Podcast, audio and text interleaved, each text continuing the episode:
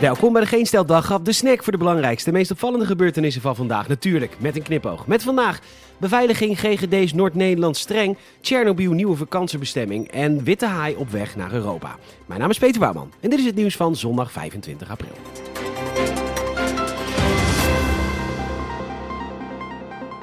Begin maart werd er een vuurwerkbom tot ontploffing gebracht bij een teststraat in Boven-Karspel. Sindsdien is de beveiliging opgeschroefd, maar tot nu toe was nog niet bekend hoe en waar precies. Dat is nu duidelijk, want in alle 12 test- en vaccinatielocaties in Noord-Holland-Noord is 24 uur camerabewaking, maar ook zijn er 24 uur per dag beveiligers aanwezig. Dat meldt de Telegraaf.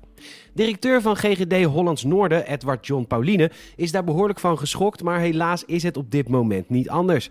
Waarom ze nu meer uitleg geven over de getroffen maatregelen is om kwaadwillende personen te ontmoedigen. Maar, meneer Pauline, dan moet je niet het volgende zeggen natuurlijk. Ik quote, we hebben in feite goud in handen en zo moeten die gegevens ook worden bewaakt. Ja, John, ik snap dat er persoonsgegevens nodig zijn en dat jullie ook informatiebeveiligers hebben, maar om het nou goud in handen te noemen lijkt me eerder een reclameslogan. GGD persoonsgegevens. Goud in handen. Veel mensen kijken uit naar aanstaande woensdag als ze, hoewel zeer beperkt, weer een biertje kunnen doen op hun terras. Maar de cijfers liegen er niet om. Een brandbrief vanuit Brabantse ziekenhuizen naar het kabinet. Code zwart is in zicht. En een aantal ondernemers steunen die oproep. Twee om precies te zijn.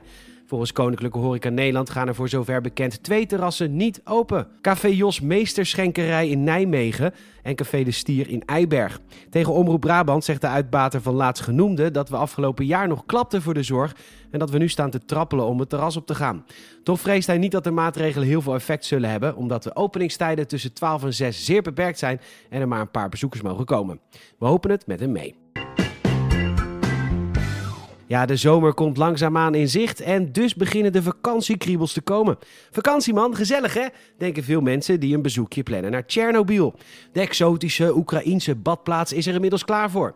Dankzij de HBO-serie Tsjernobyl, die de ramp in de nucleaire reactor spectaculair in beeld bracht, verwachten de autoriteiten heel veel ramptoeristen. En daar wordt veel voor geregeld, dat schrijft Euronews. Er worden bomen weggehaald en het dorp naast de rampplek, Pripyat, is weer aangesloten op het stroomnet. En hoewel de fabriek pas in 2064 zal zijn opgeruimd, is de radioactieve straling in de omgeving nu gering genoeg om mensen tijdelijk toe te staan. Toeristen kunnen natuurlijk het verlaten pretpark zien, maar ook een zwembad en, heel bijzonder, heel veel natuur. Er zijn vanwege het gebrek aan mensen veel beren, wilde paarden, linkse, wolven en bizons in de omgeving. Nu nog een cocktailtje erbij en het feest is compleet of open er een all-in Corendon hotel. Ja, ben vorig jaar op Kreta geweest, maar we wilden dit jaar toch wat anders en toen lazen we over Chernobyl. Prachtig, prachtig mooi. Morgen is het 35 jaar geleden dat de Tsjernobyl-ramp zich voltrok. Het wrak van de Indonesische onderzeeër KRI Nanggala 402 is gevonden. Het wrak bleek in drie stukken te zijn gebroken en alle 53 matrozen zijn om het leven gekomen. Gisteren al werden de eerste spullen van de bemanning gevonden, waardoor het al in de lijn der verwachtingen lag dat de boot opengebroken was vanwege de hoge druk op de diepe zee. Een drone heeft inmiddels de wrakstukken gevonden op 838 meter diepte en de berging zal een hele klus worden, al dus HLN.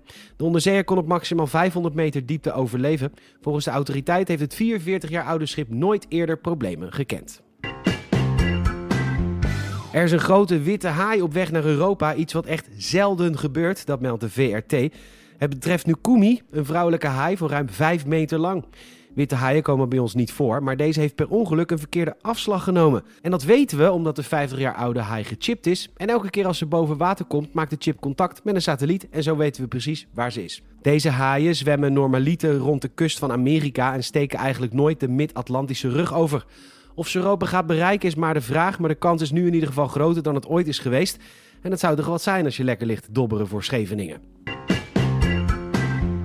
Bedankt voor het luisteren. Je zou ons enorm helpen als je een vriend of vriendin vertelt over deze podcast.